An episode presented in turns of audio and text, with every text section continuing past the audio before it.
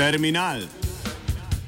Vedno različni, nikoli isti, reš kolumnisti, isti, isti, isti, isti, isti, isti.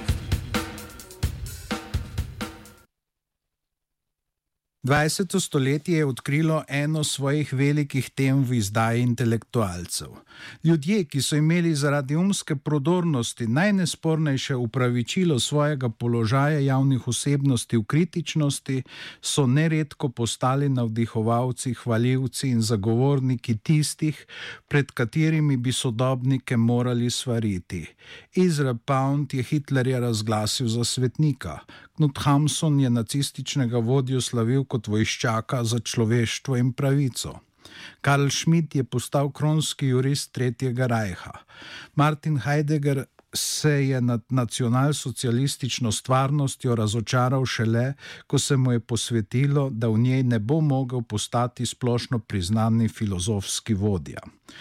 Tudi Stalin in njegovi satrapi so imeli mnogo zagovornikov. Med njimi se je znašel celo Julien Benda, ki je napisal knjigo o izdaji intelektualcev, vendar le tistih, ki so se navduševali nad iracionalističnimi vizijami.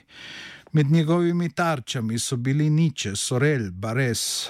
Moras, Mariten, Žid, Prus, Danuncijo, De Gaulle in še vrsta drugih vplivnih mislecev, pisateljev, politikov a kakor pozno srednjeveški husiti, ki so si za svoje geslo izbrali formulo proti vsem, ni znal biti. Ni bil podoben niti Viktorju Igoju, avtor nesrečnikov in notrdamskega zvonarja, je bil v življenju eden proti vsem, a v smrti združevalec francoskih republikancev.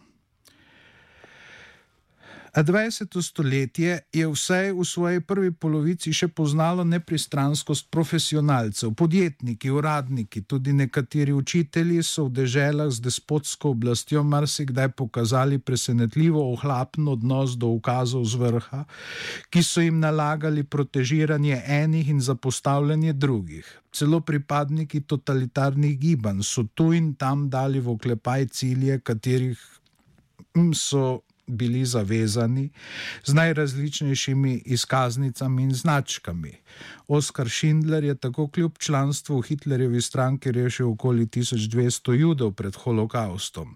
John Heinrich Detlev Rabe, ki je bil enako kot v Spielbergovem filmu Vekovečeni pravičnik podanik rasističnega Tretjega rajha, je v pokolu v Nankingu decembra 1937 in januarja 1938 ohranil pri življenju okoli 250 tisoč Kitajcev. Japonska soldateska, ki se je zavedala, da je zavezništvo cesarstva vzhajajočega sonca z uradnim Berlinom še krhko, je pač upoštevala želje vodje nemške nacionalsocialistične delavske stranke v mestu ob Modri reki. Bolj kot to, da je pri Šindlerju, Rabeju in njima podobnih saboterjih despotije šlo za izjeme, je pomembno, da so se takšni ljudje sploh pojavili. Pokazali so, da je tudi brez velikih besed mogoče ostati zvest normalnosti, čeprav so živeli v času, ko so številni na javno besedo abonirani intelektualci pridigali sovraštvo in sejali strah, tako v vsakdanjem življenju, kakor na simbolni ravni.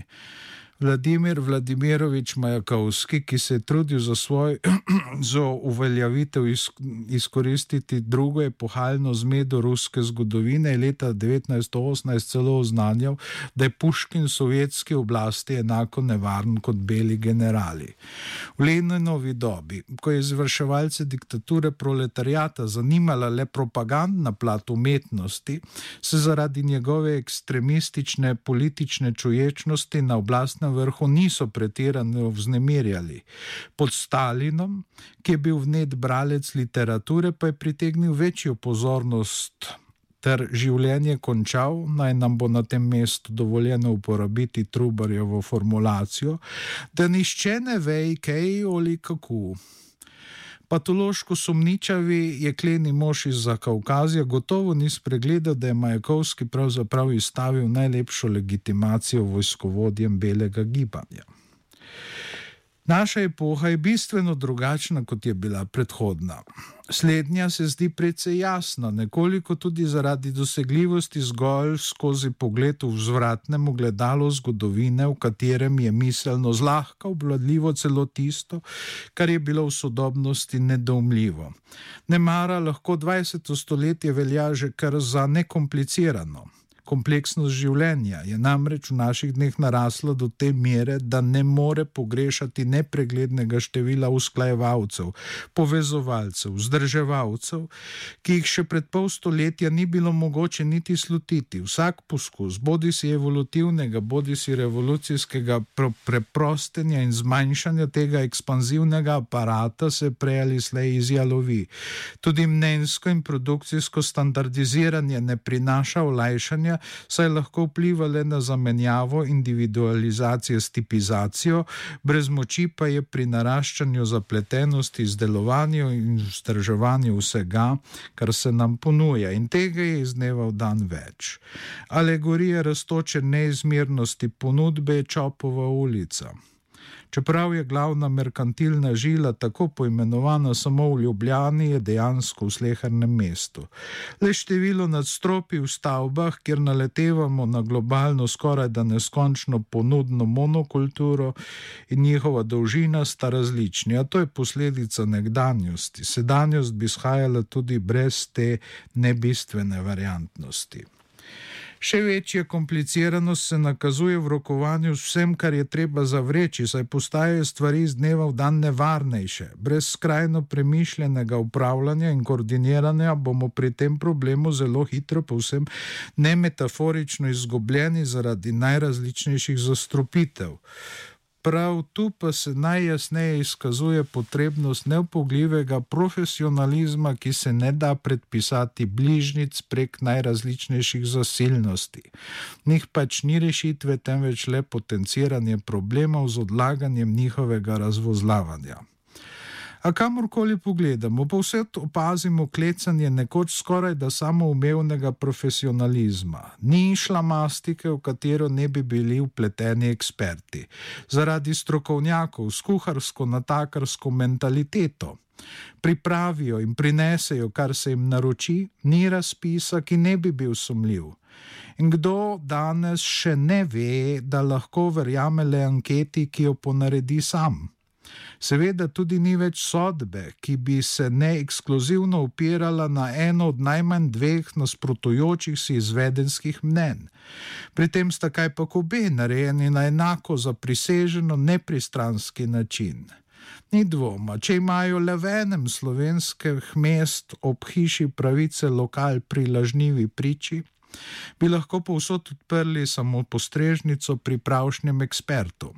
Ni mogoče mimo sklepa, da se soočamo z izdajo profesionalcev da se intelektualci trudijo vzbuditi pozornost v skladu z Maksimo, slišite hrup in mislite, da je slava, je tako notorna resnica, da je sploh ni treba dalje komentirati.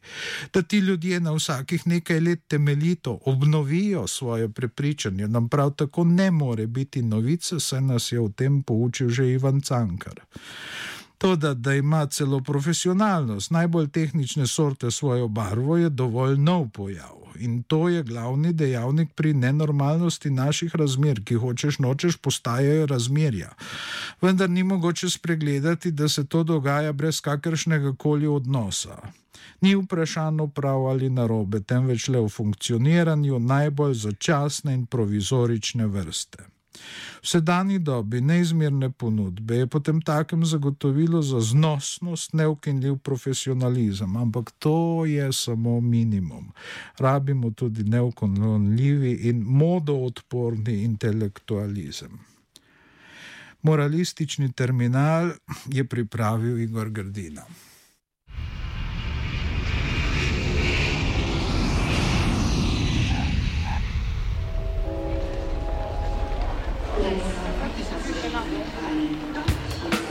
Terminal.